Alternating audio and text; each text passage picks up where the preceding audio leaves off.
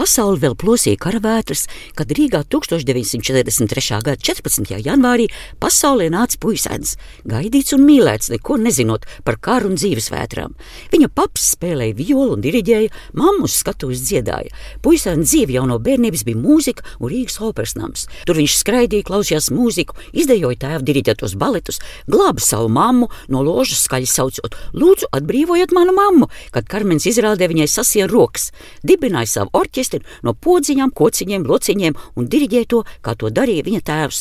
Puisēns auga, mācījās, spēlēja futbolu, arī violi. Rīgu nomainīja Pēterburga. Puisēns devās pasaulē, daudz mācījās, bija zinātnākārs, talantīgs un izauga par jaunekli ar gudru, skaistu sirdi un skaistām diriģentu rokām. Viņa spēļu orķestru nomainīja, un viņu rokām klausīja orķestri Vīnē, Londonā, Oslo, Pēterburgā, Pitsburgā, Japānā, ASV, Austrālijā, Amsterdamā, Minhenē un Rīgā.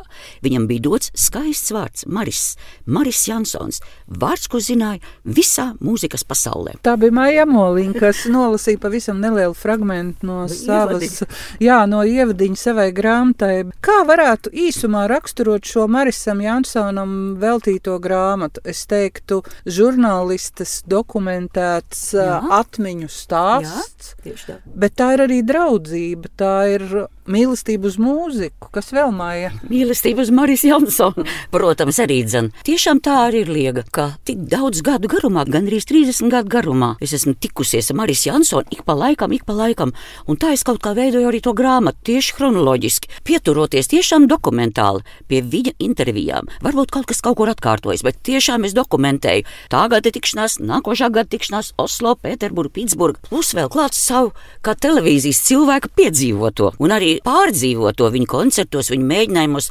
Tas tiešām ir apbrīnojami, kā viņam atsaucās visi muzeķi pasaulē. Es nezinu, es atceros, ka Berlīnas filharmoniķi, kuri tiešām pieredzējuši visu pasaules diriģents un izspēlējuši repertuāru, teica, ka jau pirmajā reizē, 71. gadā, kad uzstājās Marijas Jansona, viņi saprata, te aug viens no lielajiem.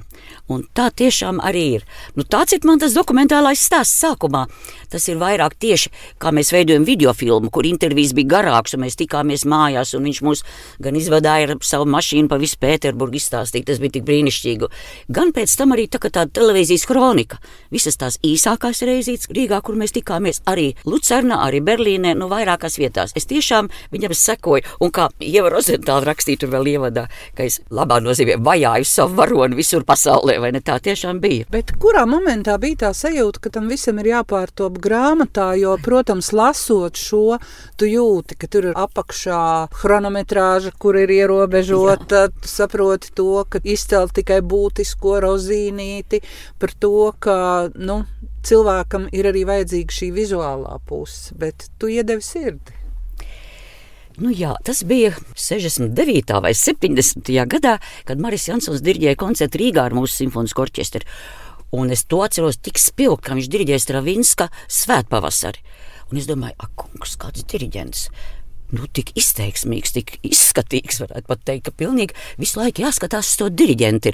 Un tā tiešām man viņš iekrita sirdī un vienmēr tur palika. Kaut kādā brīdī es aizmirsu, bet atkal tas uzpeldēja.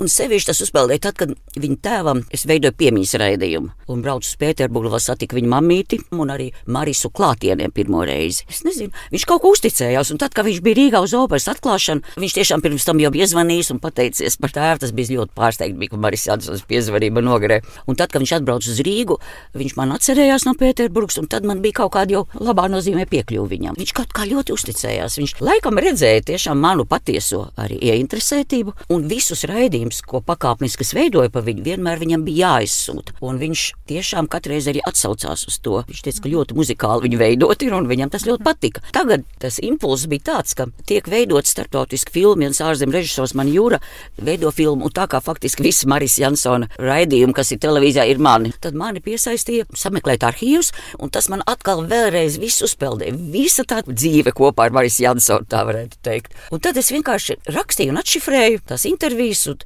vienkārši es visu redzēju, kā mēs braucam, ko mēs darījām, kāds Marijas izskatījās, kāds viņš bija nogurs, cik viņš bija pacilāts, cik viņš, piemēram, Pitsburgā, kad pēc trīs koncertu pēc kārtas, kad viņš pēc koncerta man tā paķērās zem rokas, un es teicu, Maija, kā es esmu noguris. Es zinu, tā es esmu piedzīvojis tos brīžus, viņa tādus tik pacilājošus, un arī tomēr redzot to, cik tas ir grūti un cik tas milzīgi piepūli un enerģija viņam prasa. Jo viņš ir pilnīgi atdevīgs tai muzikai, pilnīgi un galīgi. To arī visi tie orķestranti sakojas un pasaulē intervēs, ka viņš pilnīgi dzīvo mūzikā no pirmās takts līdz pēdējai. Es zinu, es nekad nebūšu iedomīgs, Maris Jansons, ka tā ir arī grāmata, kur tiešām var sajust lielas personības pieskārienus. Kāpēc tāds nosaukums? Tāds nosaukums.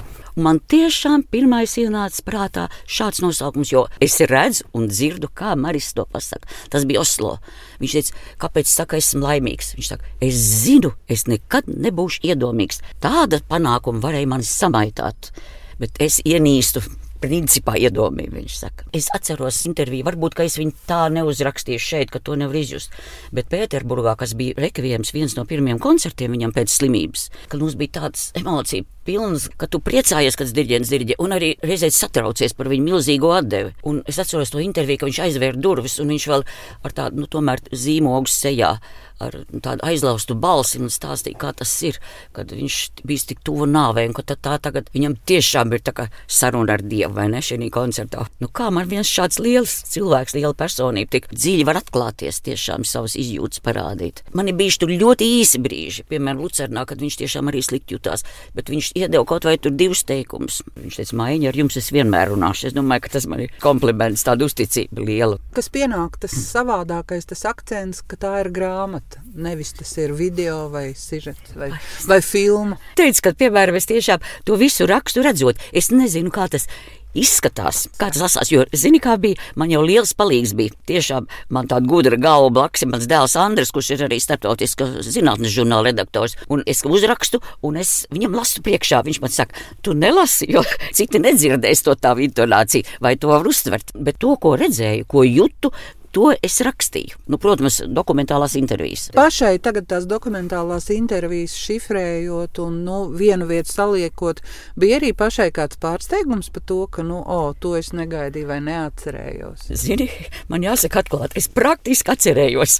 Es vienkārši kaut kā Marijas Jansona zināju no galvas, ka Māris Sirmais nesen teica, nu, ja Maija mīl pasaulē tikai vienu diriģentu, tas ir Marijas Jansons. Tas no viņa puses greizsirdīgi. Kaut gan es tiešām esmu taisījis par nu, gandrīz visiem nu, lielāks un mazāks intervijas ar visiem mūsu diriģentiem un komponistiem. Tā tas tiešām ir. Un es tiešām vairāk mīlu, un man prāt, ka man labāk izdodas raidījumi par diriģentiem. Varbūt tāpēc, ka es esmu niecīgs gariņš, arī pati kā kordiriģents, vai es tomēr kaut kā izjūtu uz diriģents, viņu vispusību. Tomēr. Tas nav tā kā viens solis dziedātājs ļoti uz sevi centrēts. Diriģents tomēr redz to pasauli lielākā mērogā, plašāk, visu to mūzikas dzīvi, un viņam ir tik daudz ko darīt. Kā viņš teica, viņam jāuzbūvē ir tā mūzika mūzikas ēka mēģinājumā, lai redzētu, cik skaista tā ēka izskatās koncertā. Un kad viņš arī saka to, ka, kad viņš strādā pie kaut kā, viņam nekam citam nav laika. Viņš teica, es nevaru atļauties aiziet orķestra priekšā, nesagatavojies, izklaidēties pirms tam vai kā. Viņš saka, man ir līdz pēdējiem sīkumam jālasa, jākoncentrējas tieši uz to komponistu, uz katru darbu. Un tāpēc Berlīnas filharmoniķa koncertmeistars arī tā teica. Viņš saka, viņš nāk tik gatavs uz katru mēģinājumu. Nav nekāda liekvārdība. Viņš zina, ko viņš grib. Viņš ir ļoti prasīgs, bet ļoti daudz arī dod mums. Bet Maris Jansons nevar privatizēt. Šis ir ļoti labs tāds dokumentāls materiāls. Kā tu domā pati, cik varētu būt grāmatas, kas vispār varētu tapt par Marisu Jansonu, jo mēs zinām, ka arī Gunda Vaivoda domā, jā, ir iecerējis. Tā nav monogrāfija par visu Marijas Jansona dzīvi. Es tiešām vēlējos, un man liekas, man pat tas pienākums kaut kā atstāt tās atmiņas, jo viņš tomēr ir veltījis man ne tikai sekundes un stundas, bet dienas pat mēs esam bijuši arī kopā. Un tas tiešām ir svēti brīži, ko es atceros, un tas ir tik aizkustinoši. Tu jūties kaut kā viņa klātbūtnē īpaši, tā ir viņa aurā. Tur ir tas viņa noslēpums. Es domāju, kāpēc viņa orķestri mīl, ka viņš nav vienkārši izcils mūziķis, bet viņš ir vienkārši nu, izcils cilvēks, cilvēciskās īpašības īpašības viņam ir neparasts, kas kādreiz diriģentiem nav. Bet viņam tiešām tas ir, un var jau smieties, ka es viņu it kā privatizēju tajā grāmatā, bet es jau to atklāti saku, ka tas ir mans televīzijas žurnālists piedzīvotais, un ka noteikti būs grāmatas, būs filmas, ir tik daudz materiālu arī internetā atrodam, ko raksta viņa brīnišķīgais orķestrs Bavārijas rādio, ko viņš tiešām tā mīlēja un kas viņu tā mīlēja. Jo tu redz, ka Tas ir patiesi. To nevar notēlot. To nevar nospēlēt. To nevar nospēlēt. Un kā viņš arī saka, ka jābūt diriģentam ļoti patiesam, ka tu nevari kaut kādā pirmā mēģinājumā tēlot nu, kaut ko citu. Nu, kā kaut ko vairāk no sevis, jo mūziķu tu atšifrēsi.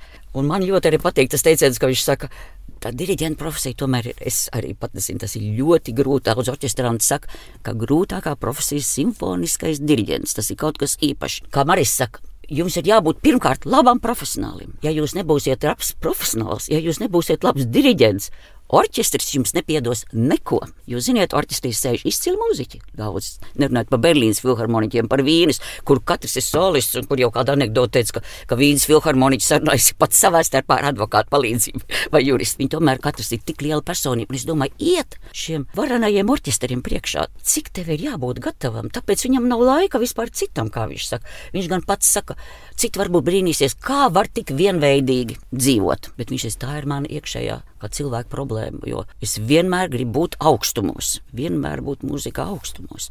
Un tāds viņš vienmēr arī bija, kā viņš mūsu orķestrim novēlēja, kad viņš bija kopā ar Raimondu Pauli, kad es biju sūtīts šim brīnišķīgajam komponistam, šim brīnišķīgajam pianistam Raimondam Paulam, tas skaisti arī vēlāk nu, realizējās. Un orķestrim viņš teica, jums jāatcerās katram mūziķim, ka meistarība jau nav robeža. Jums katram mūziķim, diriģentam ir jāmācās un jāstrādā līdz pēdējam elpas vilcienam, kamēr jūs vispār esat šajā pasaulē. Viņš ar savu dzīvi to ir pierādījis. Grāmatu stāsti tiem, kam grāmatu lasīšana ir vērtība. 27 gadus Edīta Putniņa ir bijusi kopā ar knīpām un knauķiem, un tas aizsākums ir 1994. gadā. Un tagad, kad viņa ir radījusi grāmatu Bērnība knīpās un knauķos, viņa studijas pastāvēšanas laiku iedala trīs daļās, trīs laikmetos. Pirmais tas ir saistīts ar Irēnu Veinbergu un Silviju Ērgli. Pēc tam jau ir viņas un Vitas Siliņas laiks, bet trešais jau tiek aizvadīts kopā ar kolēģiem Jonitu Štomu un Sanitu Sējāni. Grāmata ir liela un bieza, ar daudz fotografijām un daudz emocijām. Tas ir albums un arī ieskats knīpu un knauķu vēsturē. Grāmatu stāsti programmā Klasika.